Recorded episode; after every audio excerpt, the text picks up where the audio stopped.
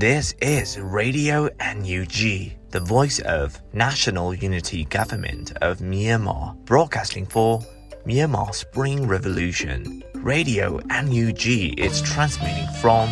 shortwave 16 meter 17.79 megahertz at 8:30 a.m. and 25 meter 11.94 megahertz at 8:30 p.m. Myanmar Standard Time. မင်္ဂလာပါခင်ဗျာ အမျိုးသားညီညွတ်ရေးအစိုးရရဲ့အတန်လွင့်ဌာန Radio NUG ကိုမနက်ပိုင်း၈နာရီခွဲမှာလိုင်းတို16မီတာစက္ကန့်တက်သမ9 MHz ညပိုင်း၈နာရီခွဲမှာလိုင်းတို25မီတာ17တက်သမ6 MHz တို့မှာဓာတ်ရိုက်ဖမ်းယူနိုင်နိုင်ပါပြီမင်္ဂလာအပေါင်းနဲ့ပြည့်စုံကြပါစေအခုချိန်ကစပြီး Radio NUG အစီအစဉ်တွေကိုဓာတ်ရိုက်အတန်လွှင့်ပေးနေပါပြီ။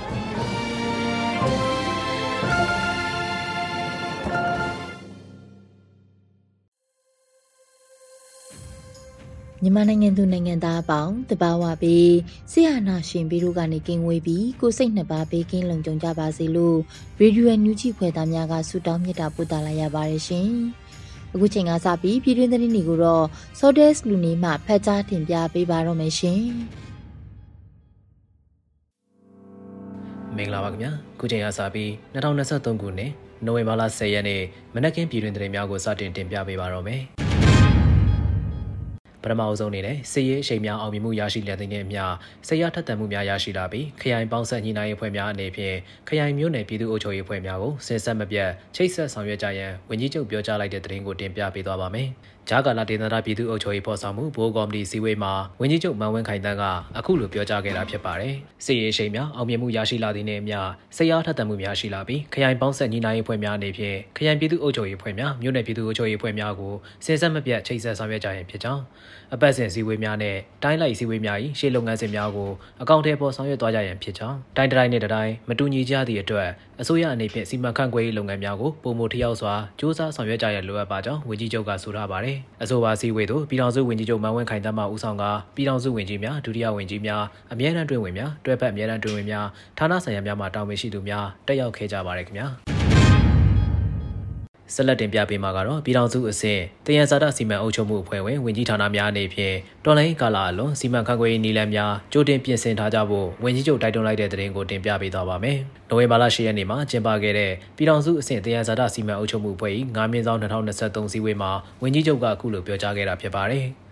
အားလုံးသိရှိထားကြတဲ့အတိုင်းလက်ရှိအခြေအနေအရမြေပြင်မှာမိမိတို့ဘက်မှထိုးစစ်စတင်ဆင်နွှဲနေတာဖြစ်ပြီးအောင်ဝင်းများစက်တက်ရရှိနေတာဖြစ်ပါကြောင်း အောင်ပွဲများရရှိသလိုမိမိတို့ရဲဘော်များလည်းထိခိုက်ဆုံးရှုံးမှုများရှိကြောင်းဝမ်းနည်းစွာဖြင့်ကြားသိခဲ့ရပါကြောင်းတိုင်းပြည်အတွက်မြင့်မြတ်စွာကြဆုံးသွားတဲ့ရဲဘော်များအတွက်လည်းလေးစားဂုဏ်ယူမှတ်တမ်းတင်လေးပြုပါကြောင်း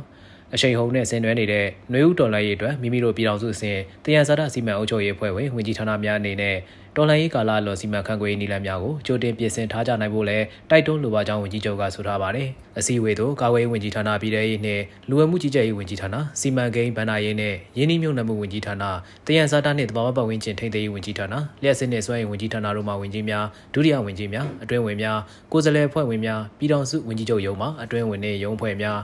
ပြည်ထောင်စုအဆင့်တယံဇာတာစီမံအုပ်ချုပ်မှုအဖွဲ့၏အတွင်းမှုရုံးအဖွဲ့တို့မှတာဝန်ရှိသူများတက်ရောက်ခဲ့ကြပါတယ်ခင်ဗျာ။နိုင်ငံခြားရေးဝန်ကြီးဒေါ်စင်မအောင်နဲ့တိုင်းသားကိုယ်စားလှယ်များလီသူရေးနီးယားနိုင်ငံလွှတ်တော်အမတ်များနဲ့တွေ့ဆုံပြီးနှစ်နိုင်ငံဒီမိုကရေစီရေးပုံမတိုးမြင့်ပူးပေါင်းဆောင်ရွက်နိုင်ရေးအတွက်ဆွေးနွေးပြောကြားခဲ့တဲ့သတင်းကိုဆက်လက်တင်ပြပေးသွားပါဦးမယ်။ ပြည်ထောင်စုသမ္မတမြန်မာနိုင်ငံတော်မြို့သားညီညွတ်ရေးဆိုရနိုင်ငံခြားရေးဝန်ကြီးဌာနပြည်ထောင်စုဝန်ကြီးဒေါ်စင်မအောင်နဲ့တိုင်းသားမဟာမိတ်ဖွဲ့များမှကိုယ်စားလှယ်များဟာလေသူရီးယားနိုင်ငံလွှတ်တော်သို့နိုဝင်ဘာလ10ရက်နေ့ကတွားရောက်၍လေသူရီးယားနိုင်ငံလွှတ်တော်အမတ်များနဲ့တွေ့ဆုံခဲ့တယ်လို့တင်ပြရရှိထားပါတယ်။ ယခုချိန်ဟာနိုင်ငံခြားရေးဝန်ကြီး၏လေသူရီးယားနိုင်ငံသို့ပထမဆုံးသွားရောက်သောခရီးစဉ်ဖြစ်ပြီးလေသူရီးယားနိုင်ငံလွှတ်တော်အမတ်များနဲ့တွေ့ဆုံကနှစ်နိုင်ငံဒီမိုကရေစီရေးတိုးမြင့်ပူးပေါင်းဆောင်ရွက်နိုင်ရေးအကြံဖက်စေအုပ်စုအားထိရောက်စွာဖိအားပေးရေးကိစ္စများကိုအပြန်အလှန်ဆွေးနွေးခဲ့ကြပါတယ်။လေသူရီးယားနိုင်ငံသည်မြန်မာနိုင်ငံဒီမိုကရေစီရေးတက်ကြွစွာကူညီအားပေးနေသည့်နိုင်ငံတစ်ခုဖြစ်ပြီးနိုင်ငံခြားရေးဝန်ကြီးဒေါ်စင်မအောင်၏ပြီးခဲ့သည့်အမေရိကန်ခရီးစဉ်အတွင်းတွင်လည်းလေသူရီးယားနိုင်ငံခြားရေးဝန်ကြီးနဲ့တရားဝင်တွေ့ဆုံခဲ့ပါတယ်ခင်ဗျာ။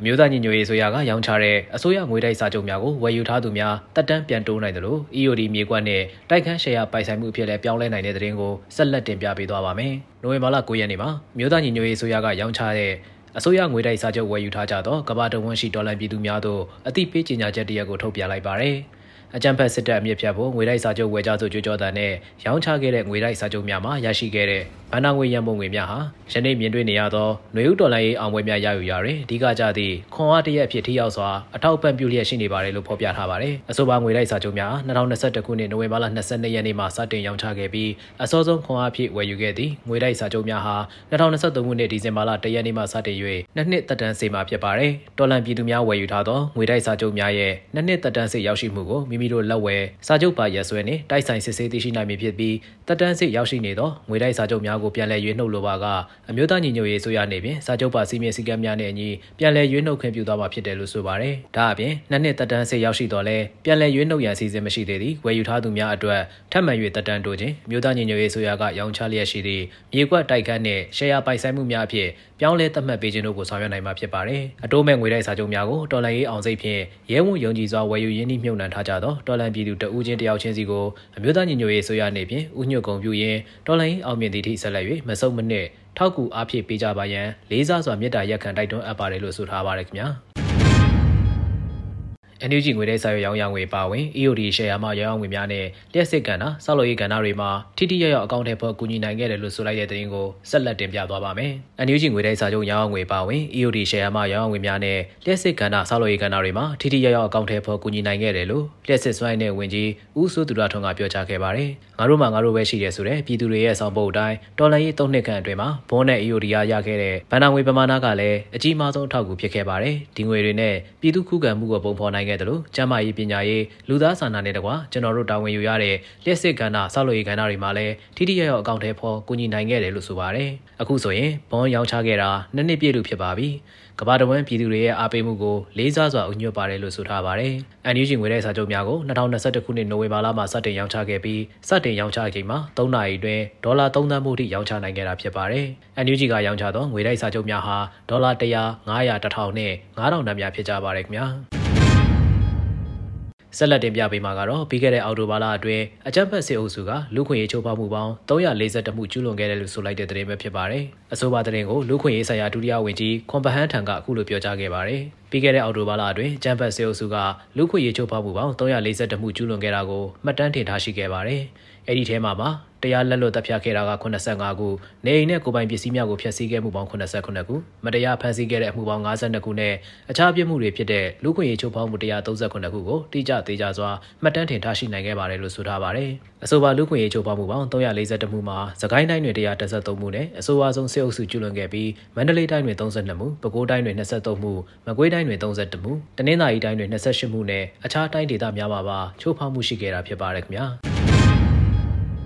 အဖိနှိကန်တိုင်းရင်းသားများလွတ်မြောက်ရေးနဲ့စစ်အာဏာရှင်စနစ်ကိုအမြင့်ဖြတ်ဖယ်ရှားနိုင်ရေးအတွက်တည်တုံညာနှစ်ခွန်စစ်စေးရေးပါဝင်အခြားစစ်စင်ရေးကြီးများကိုဖော်ဆောင်နေခြင်းဖြစ်တယ်လို့သမရယုံပြောရေးဆိုခွင့်ရှိသူဦးကျော်စောဆွေးနွေးပြောကြားလိုက်တဲ့သတင်းကိုတင်ပြပေးသွားပါမယ်။ American ပြည်ထောင်စု Washington DC မြို့တော်အခြေစိုက် Stimson Center သုတေသနအဖွဲ့အစည်းကကမကထပြုလုပ်စီစဉ်တဲ့နိုဝင်ဘာလ10ရက်နေ့ဆွေးနွေးပွဲမှာမြို့သားညီညွတ်ရေးဆိုရာ NUG သမရယုံပြောရေးဆိုခွင့်ရှိသူဦးကျော်စောပါဝင်ဆွေးနွေးခဲ့ရမှာအခုလိုထည့်သွင်းပြောကြားခဲ့တာဖြစ်ပါတယ်။သမရယုံပြောရေးဆိုခွင့်ရှိသူ၏ဆွေးနွေးချက်များထဲမှာတည်တုံညာနှစ်ခွန်စစ်စင်ရေးဟာတမယိုးကြစစ်စစ်ရေးတခုမဟုတ်ပဲဆီယနာရှင်စနစ်အမြင့်ဖြတ်ရေးဆိုသည့်နိုင်ငံရေးရည်မှန်းချက်ပါရှိကြောင်းညီနောင်မဟာမိတ်သုံးဘက်ထုတ်ပြန်ချက်မှာရှင်းလင်းစွာဖော်ပြထားကြောင်းနဲ့အဖိနှိတ်ကန်တိုင်းရင်းသားများလွတ်မြောက်ရေးနဲ့ဆီယနာရှင်စနစ်ကိုအမြင့်ဖြတ်ဖယ်ရှားနိုင်ရေးအတွက်တစ်တုံညာနှစ်ကွန်စစ်စေးရေးပါဝင်အခြားစစ်စေးရေးကြီးများကိုဖော်ဆောင်နေခြင်းဖြစ်ပါကြောင်းတစ်တုံညာနှစ်ကွန်စစ်စေးရေးဟာလူမျိုးစုများကြားညီညွတ်ရေးအင်အားကိုထင်ရှားပြသခြင်းဖြစ်တယ်လို့အကြမ်းဖက်စစ်ကောင်စီရဲ့အင်အားချိနဲ့မှုကိုလည်းဖွင့်ချလိုက်ခြင်းဖြစ်ကြောင်းဆိုထားပါတယ်။ဆွေးနွေးပွဲမှာသမ္မတရုံးပြောရေးဆိုခွင့်ရှိသူဦးကျော်စောနဲ့အတူ American ငြိမ်းချမ်းရေး Institute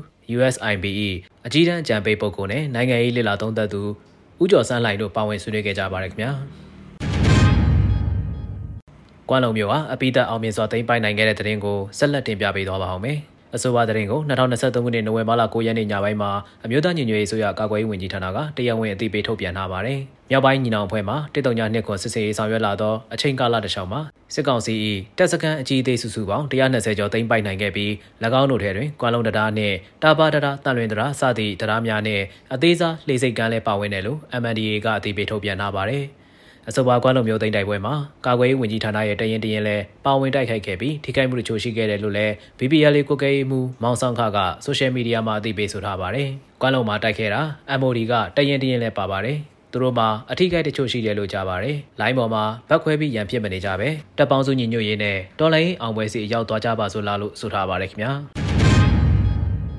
ညီနောင်မဟာမိတ်သုံးဘွဲမှာကိုကန်ခရိုင်ရှောက်ပယ်အိုင်နဲ့ဟဲဟုတ်တောင်ရှိစစ်ကောင်စီစခန်းများကိုသိမ်းပိုက်နိုင်ခဲ့တဲ့တဲ့ရင်ကိုဆက်လက်တင်ပြပေးသွားပါအောင်မယ်။မြောက်ပိုင်းညီနောင်မဟာမိတ်အဖွဲ့တေတုံညာနှစ်ခွန်စစ်စေးလှုပ်ဆောင်လာသည်မှာ14ရက်မြောက်နေ့ဖြစ်တဲ့နိုဝင်ဘာလ9ရက်နေ့မှာ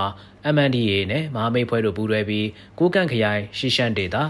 တာရွှေထန်အုပ်စု နန်ကော်ရွာမှဖုံးချွေရှမ်းနေရာကြတွင်ရှောက်ပရိုင်နေရာတွင်ရှိနေသောစစ်ကောင်စီတပ်စခန်းနှင့်ကိုကန့်တုံရှမ်းဒေသရှီယွင်းကြီးရွာအနီးဟဲဟုတ်တောင်စခန်းကိုထိုးစစ်တိုက်ခိုက်ခဲ့ပါတယ်လို့ဆိုထားပါတယ်။နိုဝင်ဘာလ9ရက်နေ့နနက်9နာရီခန့်မှာ MNDA နဲ့မဟာမိတ်ဖွဲ့တို့ဟာရှောက်ပရိုင်နေရာရှိစစ်ကောင်စီတပ်စခန်းကိုစတင်ထိုးစစ်ဆင်လာခဲ့ပြီးလေကြောင်းဤပြစ်ကူမှုအောက်တွင်သိမ်းပိုက်နိုင်ခဲ့ပါတယ်။၎င်းစခန်းကိုသိမ်းပိုက်ပြီးနောက်ဖုံးချွေရှမ်းနေရာဘက်သို့ဆက်လက်ချီတက်ခဲ့ရာဟွာရှိပန်ဘက်မှစစ်ကားနှစ်စီးမောင်းနှင်လာသောကိုကန့်ရုပ်သေးဖွဲ့များကို MNDA နဲ့မဟာမိတ်ဖွဲ့တို့မှကြားပြတ်တိုက်ခိုက်ခဲ့ပြီး၎င်းကားနှစ်စီးကိုဖျက်ဆီးနိုင်ခဲ့သည့်ပြင်ရုပ်သိမ်းဖွဲ့များကိုလည်းချိန်မုံနိုင်ခဲ့တယ်လို့ဆိုထားပါတယ်။နနက်၄နာရီမှစတင်ပြီးဟဲဟုတ်တောင်ရှိစစ်ကောင်စီစခန်းကိုပုံကျဲပစ်ခတ်ပြီး6နာရီ25အချိန်တွင်ခြေလင်းတက်ဖြင့်စတင်ကြီးတက်ခဲ့ရာ8နာရီအချိန်တွင်ဗျူဟာကုန်းနောက်ဘက်တောင်ကုန်းကိုသိမ်းယူနိုင်ပြီး9နာရီအချိန်တွင်ဟဲဟုတ်တောင်ကိုစတင်ထိုးစစ်ဆင်တိုက်ခိုက်ခဲ့ပါတယ်။9နာရီ50မိနစ်တွင်ဟဲဟုတ်တောင်၏အဓိကစခန်းကိုသိမ်းယူလိုက်နိုင်ပြီး12နာရီ20အချိန်တွင်အရန်တက်စခန်းကိုလည်းအပြီးသိမ်းပိုင်နိုင်ခဲ့ပါတယ်။လက်ရှိချိန်ထိမြောက်ပိုင်းမှာအမိတ်ဖွဲတို့ဟာစစ်ကောင်စီတပ်စခန်းအကြီးသေးစုစုပေါင်း128ခုကို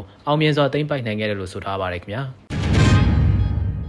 ကောလင်းမြို့တဲ့တိုက်ပွဲတွင်စစ်ကောင်စီဘက်မှ90ဦးသေဆုံးပြီးလက်နက်ချအညံ့ခံသူစစ်တုံးမှ22ဦးထိရှိလာတဲ့တဲ့ရင်ကိုဆက်လက်တင်ပြပေးသွားပါအောင်မယ်။စကိုင်းတိုင်းကောလင်းခရိုင်ကောလင်းမြို့ခရိုင်ရုံးဆိုင်ရာမြို့ဟာမြို့သားညီညွတ်ရေးဆိုရ NUG ပြည်သူ့ကာကွယ်ဝင်ကြီးဌာန MOD အမှတ်၁စစ်ဒေသကွယ်ကွယ်မှုအောက်ရှိပြည်သူ့ကာကွယ်တပ်မတော် PDF နဲ့ပြည်သူ့ကာကွယ်တပ်ဖွဲ့ပကဖတို့မှ2023ခုနှစ်နိုဝင်ဘာလ3ရက်နေ့မနက်4နာရီမှနိုဝင်ဘာလ5ရက်နေ့ညနေ9နာရီထိ3ရက်ကြာတိုက်ခိုက်ပြီးအောင်မြင်စွာသိမ်းပိုက်နိုင်ခဲ့တယ်လို့ဆိုထားပါတယ်။ကောလင်းမြို့တွင်စစ်ကောင်စီတပ်များအ धिक အခြေချရာနေရာများဖြစ်သည့်ဒုဗိုလ်မှူးကြီးတပ်ပိုင်မြင့်ဦးစီးကခမာရ36ကိုအင်အား58ဦးခန့်ရှိသည့်အထက်တန်းကျောင်းဒုဗိုလ်မှူးကြီးသိန်းစော်လင်းဦးစီးသည့်ခမာရ111တနစ်3ညအင်အား40ခန့်ရှိအထွေထွေအုပ်ချုပ်ရေးမှူးရုံးဒုရဲမှူးတန်းလွင်မြို့နယ်မှုဦးစီးသည့်ရဲအင်အား66ဦးခန့်ရှိရဲစခန်းရွှေနယ်ဖြိုးလက်ဖေးဆိုင်နှင့်မိရထားဘူတာတို့အားအမှတ်1စစ်ဒေသကုကရေးမှုအောက်ရှိကောလင်းခရိုင်ကုကရေးရုံးကောလင်းခရိုင်အမှတ်1နှစ်တက်ရင်စကိုင်းတိုင်းပကဖ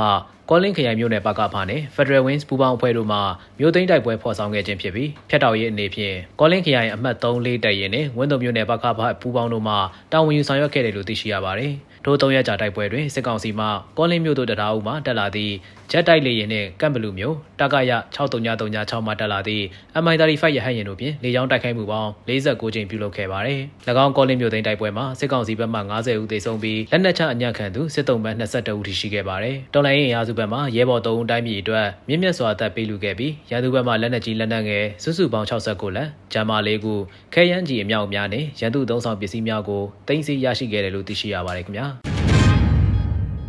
အခုတင်ပြပေးမှာကတော့ပင်လယ်ဘူးမြို့ကို PDF နဲ့ပကဖတွေကပွိုင်းတီတီမှာပိတ်ဆို့ကမြို့ကိုသိမ်းပိုက်ခြင်းမရှိသေးဘူးလို့ဆိုလိုက်တဲ့သတင်းပဲဖြစ်ပါတယ်။ပင်လယ်ဘူးမြို့ကို PDF တွေနဲ့ပကဖတွေကပွိုင်းအတီးတီမှာပိတ်ဆို့ထားတယ်လို့ဆိုထားပါတယ်။နိုဝင်ဘာလ9ရက်နေ့ညပိုင်းမှာ ပင်လယ်ဘူးမြို့နယ်ပြည်သူ့အုပ်ချုပ်ရေးအဖွဲ့ကတာဝန်ရှိသူတို့ကဖြေကြားခဲ့တာဖြစ်ပါတယ်။ပင်လယ်ဘူးမြို့ကို PDF နဲ့ပကဖတွေကပွိုင်းအတီးတီမှာပိတ်ဆို့ထားတာပဲရှိပါသေးတယ်။မသိမ်းသေးပါဘူးလို့ဆိုထားပါတယ်။နိုဝင်ဘာလ10ရက်နေ့မှာလည်းပင်လယ်ဘူးမြို့သိမ်းတယ်လို့သတင်းအမှားတွေထွက်ပေါ်နေပြီး၎င်းမှာမဟုတ်မှန်ကြောင်းစကိုင်းတိုင်းပြည်သူ့ကာကွယ်ရေးအဖွဲ့ပကဖကအသိပေးထုတ်ပြန်ထားပါသေးတယ်။ကာကွယ်ရေးဝန်ကြီးဌာနကဖြစ်စေအမတ်တဲ့စစ်ဒေသကဖြစ်စေစကိုင်းတိုင်းပြည်သူ့ကာကွယ်ရေးအဖွဲ့ပကဖကဖြစ်စေအတိပြုကြေညာချက်မထုတ်ပြန်မချင်း တရင်မှားများကိုလက်မခံဖို့အတိပေးအပ်ပါတယ်လို့စကိုင်းတိုင်းပကဖကဆိုထားပါတယ်ခင်ဗျာ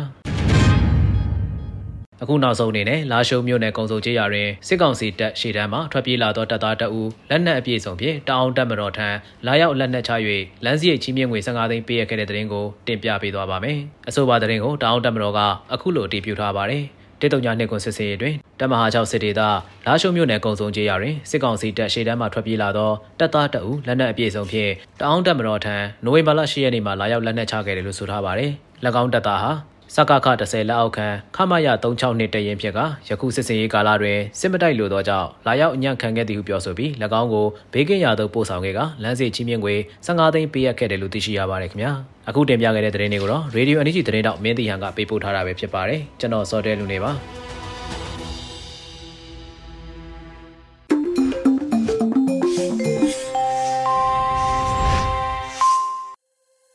ရေဒီယိုညူချီရဲ့မနက်ခင်းစီစဉ်တွေကိုဆက်လက်တင်ပြနေပါတယ်။အခုဆက်လက်ပြီးနားဆင်ကြရမှာကတော့မက်ကျေးမုံပေးပို့လာတဲ့စိုက်ပျိုးစည်းပွားတောင်သူစကားတန်စီစဉ်ဖြစ်ပါတယ်။တရုတ်နယ်စပ်အနီးကမီးလောင်ကျွမ်းခဲ့တဲ့ရှိန်းခေါင်ကြေးရွာကိုလက်တလောကူညီပေးဖို့အခက်အခဲရှိနေဆိုတဲ့အကြောင်းအရာကိုတော့လွတ်လပ်နေဦးကဖတ်ကြားတင်ပြပေးထားပါတယ်ရှင်။တောတာရှင်များခင်ဗျာနားဆင်ဖို့အလှည့်ကြတဲ့စီစဉ်က စိုက်ပျိုးစည်းဝါတောင်သူစကားသံအစီအစဉ်ဖြစ်ပါတယ်။မြန်မာတရုတ်နယ်စပ်အနီးကမီးလောင်ကျွမ်းခဲ့တဲ့ရှိန်းခေါင်ကြေးရွာကိုလက်တလောကူညီပေးဖို့အခက်အခဲရှိနေပြီးတိနံတွေပျက်စီးသွားတဲ့အတွက်လည်းကာလရှည်ကူညီပေးဖို့လိုအပ်လာမှာဖြစ်ပါတယ်။ဒီသတင်းကိုမကြေးမုံကပေးပို့ထားပါတယ်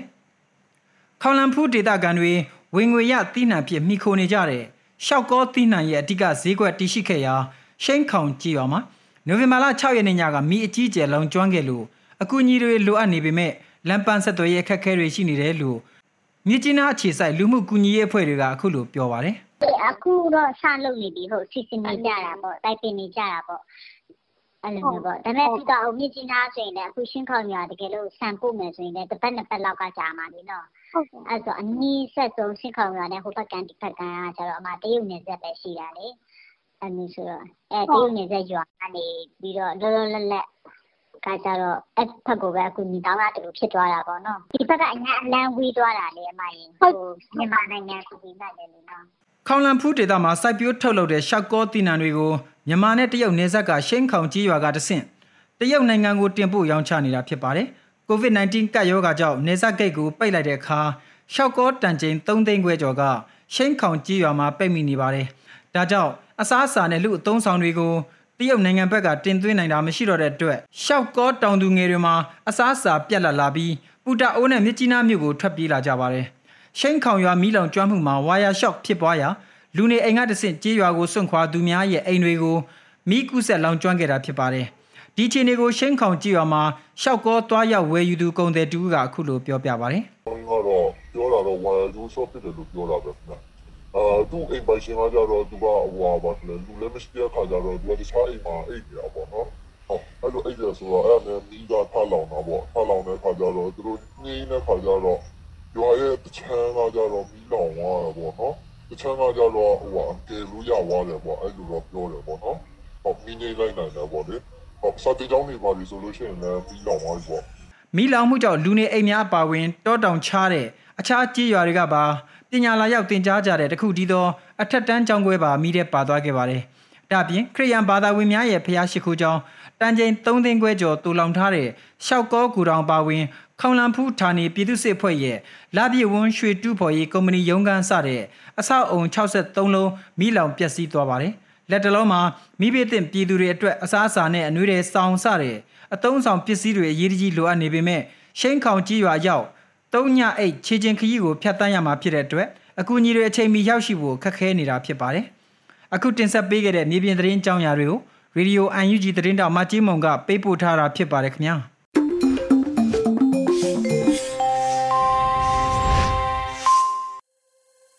ရေရွေညူကြီးကိုနာတော်တာဆင်နေတဲ့ပရိသတ်များရှင်အခုဆက်လက်ပြီးနားဆင်ကြရမှာကတော့ PPTV ရဲ့နေ့စဉ်သတင်းများဖြစ်ပါတယ်ရိမ့်မှဖတ်ကြားတင်ပြပေးပါတော့မယ်ရှင် အခုချိန်ကစပြီး PPTV သတင်းတွေကိုတင်ဆက်ပေးတော့မှာပါကျွန်မရိမ့်ပါပထမဆုံးတင်ဆက်မှာကအမျိုးသားညွရေးအစိုးရ FSCC နဲ့စကိုင်းတိုင်းလွှတ်တော်ကိုစားပြုကော်မတီတို့တွဲဆုံဆွေးနွေးတဲ့တဲ့မှာ အမျိုးသားညွရေးအစိုးရပြည်ထောင်စုအစိုးရအဖွဲ့ပြည်내ဖက်ဒရယ်ယူနစ်များအကြားပူးပေါင်းဆောင်ရွက်ရေးကော်မရှင် FSCC နဲ့စကိုင်းတိုင်းလွှတ်တော်ကိုစားပြုကော်မတီတို့အကြားတွဲဆုံဆွေးနွေးမှုကိုနိုဝင်ဘာ9ရက်ညနေ4:00နာရီမှာပြုလုပ်ခဲ့ကြပါတယ်။တွဲဆုံဆွေးနွေးပွဲမှာ Federal Unit ရေးရာကိစ္စရပ်များလွှတ်တော်ရဲ့ဥပဒေပြုရေးဆိုင်ရာကိစ္စရပ်များကိုအပြန်အလှန်ဆွေးနွေးညှိနှိုင်းခဲ့ကြတယ်လို့ထုတ်ပြန်သိပေးထားပါတယ်။ အစည်းအဝေးကိုပြည်ထောင်စုအစိုးရပြည်내ဖက်ဒရယ်ယူနစ်များအကြားပူးပေါင်းဆောင်ရွက်ရေးကော်မရှင် FSCC ရဲ့ပြည်ထောင်စုဝန်ကြီးများဒုတိယဝန်ကြီးများနဲ့တာဝန်ရှိသူများစကိုင်းတိုင်းလွှတ်တော်ကိုစားပြုကော်မတီဥက္ကဋ္ဌဦးမြင့်ထွေးနဲ့တိုင်းဒေသကြီးလွှတ်တော်ရေးရာကော်မတီများမှတာဝန်ရှိသူများတက်ရောက်ခဲ့ကြတယ်လို့ပြည်ထောင်နဲ့လူမှုကြီးကြပ်ရေးဝန်ကြီးဌာနကသတင်းထုတ်ပြန်ထားပါတယ်။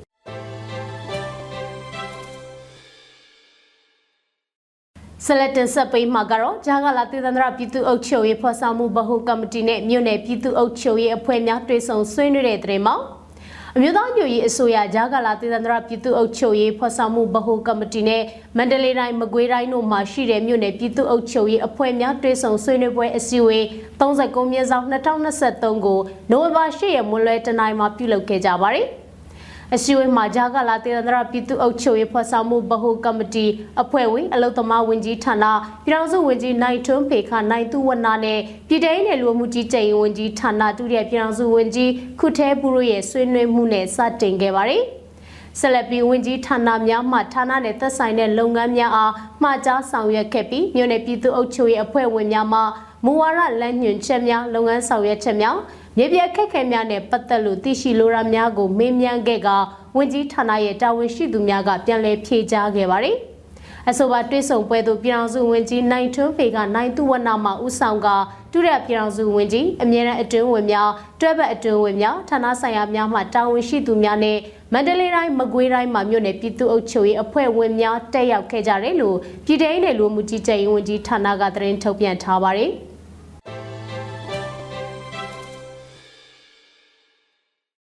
ဆက်လက်တင်ဆက်ပိမှာကဒေါ်လာရေးလက်နက်ကိုင်အဖွဲ့တွေနဲ့ပူးတွဲစစ်စင်ရေးတနိုင်ငံလုံးအနှံ့မကြမီဆင်နွှဲမယ်လို့မြောက်ပိုင်းသုံးဖွဲ့ကြေညာလိုက်တဲ့တဲ့မှာ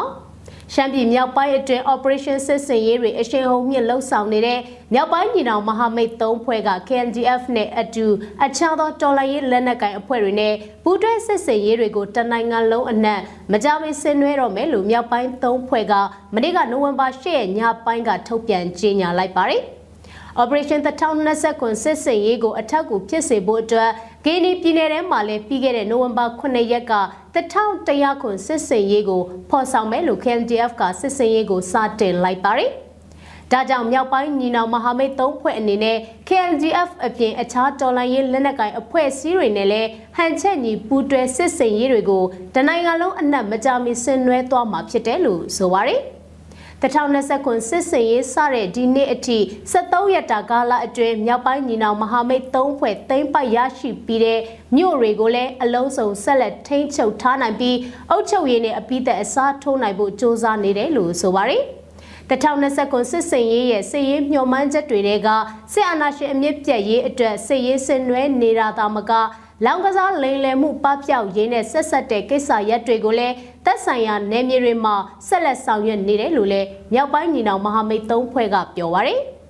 လက်ရှိအချိန်မှာရန်သူရဲ့တခုတီးသာလှုပ်ဆွမ်းနိုင်စွမ်းဖြစ်တဲ့လေကြောင်းနဲ့လက်နက်ကြီးအကြိမ်ကြိမ်ပြစ်ခတ်တိုက်ခိုက်မှုတွေကိုမြောက်ပိုင်းညီနောင်မဟာမိတ်သုံးဖွဲ့ကကြမ်းကြမ်းခိုင်ရင်ဆိုင်နေရတယ်ဆိုတာနဲ့စစ်ရေးရည်မှန်းချက်ပြစ်မှတ်တွေကိုဟန်ချက်ညီစွာဆက်လက်ချင်းမုံနေတယ်လို့အသိပေးထားပါတယ်။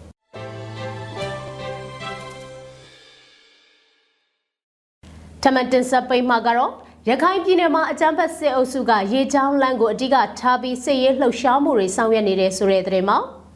ရခိုင်မှာအကြမ်းဖက်စစ်အုပ်စုကရေချောင်းလမ်းကိုအဓိကထားစစ်ရေးလှုပ်ရှားမှုဆောင်ရွက်နေပြီးတော့မြို့နယ်တချို့မှာလက်နက်စမ်းသက်6လန့်ပစ်ခတ်မှုတွေပြုလုပ်နေတယ်လို့ညီနောင်မဟာမိတ်၃ဖွဲ့ကမနေ့ကနိုဝင်ဘာ၈ရက်ညပိုင်းကထုတ်ပြန်ပါတယ်။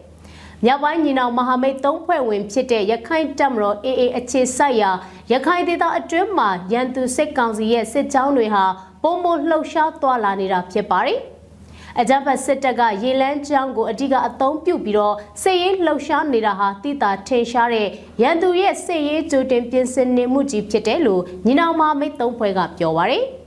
အယက်သားပြည်သူတွေနေ့စဉ်သွားလာရနေရာတွေကိုလည်းစစ်ဆေးမှုတွေပုံမတင်းတင်းကြပ်ကြပ်ဆက်တိုက်ပြုလုပ်လာတာဒေသခံရခိုင်အရက်ဘက်လူမှုအဖွဲ့အစည်းတွေတက်ကြွလှုပ်ရှားနေသူတွေနဲ့အရက်ဘက်အဖွဲ့အစည်းတွေရဲ့ခရီးသွားလာမှုဆိုင်ရာအချက်လက်တွေကိုပုံမတင်းကျပ်စွာစစ်ဆေးနေတာတွေကိုအကြမ်းဖက်စစ်တပ်ကပြုလုပ်နေတာလို့ဆိုပါရယ်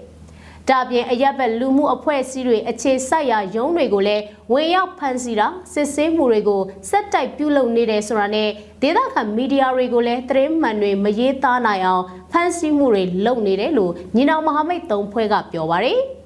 ရန်သူစိတ်ကောင်စီရဲ့အခြေစိုက်တပ်စခန်းတွေကနေရခိုင်ဒေသအတွင်းကမြို့နယ်အချို့မှာလက်နက်စမ်းသက်6လှန့်ပစ်ခတ်မှုတွေလစဉ်နီးပါးဆက်တိုက်လှုပ်ဆောင်လာနေတာကြောင့် ညီတော်မဟာမိတ်၃ဖွဲ့ရဲ့2029စစ်စင်ရေးကိုစိန်ခေါ်နေတာဖြစ်တယ်လို့ရခိုင်တပ်မတော် AA ကပြောပါတယ်။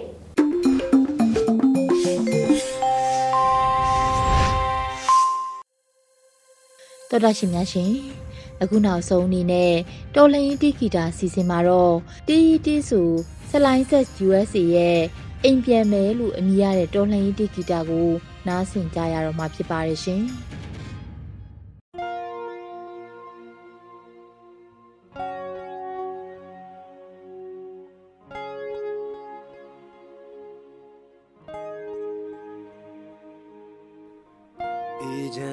စိတ်လန်းနဲ့မြေတောင်တန်းပေါ်ကသစ္စာတရားမြေရိုးမြေငင်းချမ်းနဲ့ငရိုးရဲ့အတိုင်းငယ်အရက်ဆက်ဆုံးအထီနာခဲ့တယ်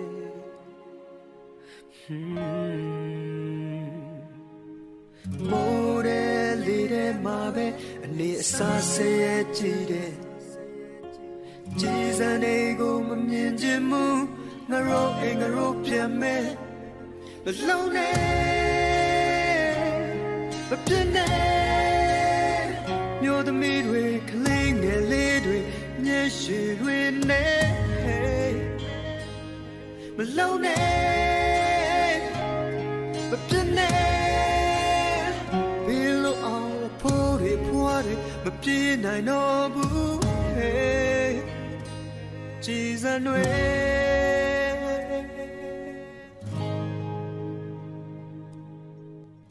ရေတွေမတွေ့ခြင်းလက်တွေအရေးရင်ဆုံးသက်တည်သွေးနေဘယ်တော့မှဒီမထောက်ခဲ့ဆုံးရှုံးသွားတဲ့တမိုးကြီးရဲ့သက်တွေအောင်မေလို့လေးပြူရင်လေး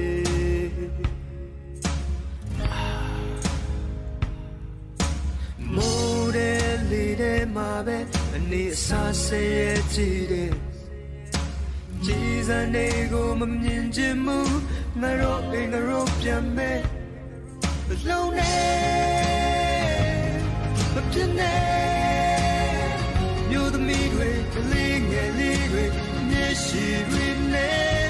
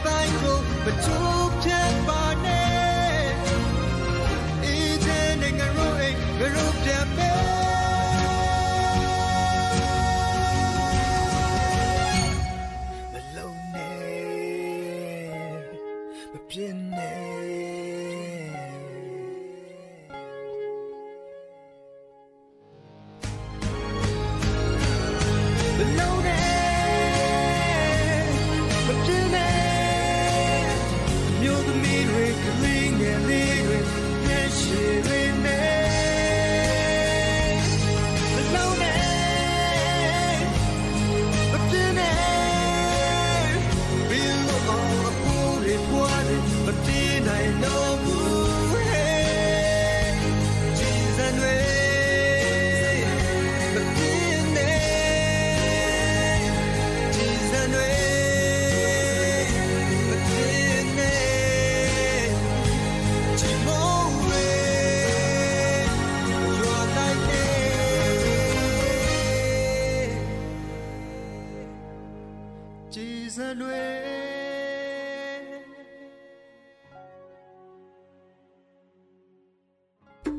ကတော့ဒီညနေပဲ Radio NUG ရဲ့အစည်းအဝေးကိုခਿੱတရနာလိုက်ပါမယ်။မြန်မာစံတော်ချိန်မနက်၈နာရီခွဲနဲ့ည၈နာရီခွဲအချိန်တွေမှာပြန်လည်ဆုံးဖြတ်ကြပါစို့။ Radio NUG ကိုမနက်ပိုင်း၈နာရီခွဲမှာလိုင်းဒို16မီတာစက္ကန့်တသမ9 MHz ညပိုင်း၈နာရီခွဲမှာလိုင်းဒို25မီတာ17သမ6 MHz တို့မှာဓာတ်ရိုက်ဖမ်းယူနားဆင်နိုင်ပါပြီ။မြန်မာနိုင်ငံသူနိုင်ငံသားများကိုစိတ်နှပြချမ်းမာချမ်းသာလို့ ဘေးကင်းလုံခြုံကြပါစေလို့ Radio NUG အဖွဲ့သူအဖွဲ့သားများကဆုတောင်းလိုက်ရပါတယ်။အမျိုးသားညီညွတ်ရေးအစိုးရရဲ့စက်သွေးရေးတရင်အချက်အလက်နဲ့ဤပညာဝန်ကြီးဌာနကထုတ်လွှင့်နေတဲ့ Radio NUG ဖြစ်ပါတယ်။ San Francisco Bay Area အခြေစိုက်မြန်မာမိသားစုများနဲ့နိုင်ငံတကာကစေတနာရှင်များလှုပ်အားပေးများရဲ့ Radio NUG ဖြစ်ပါတယ်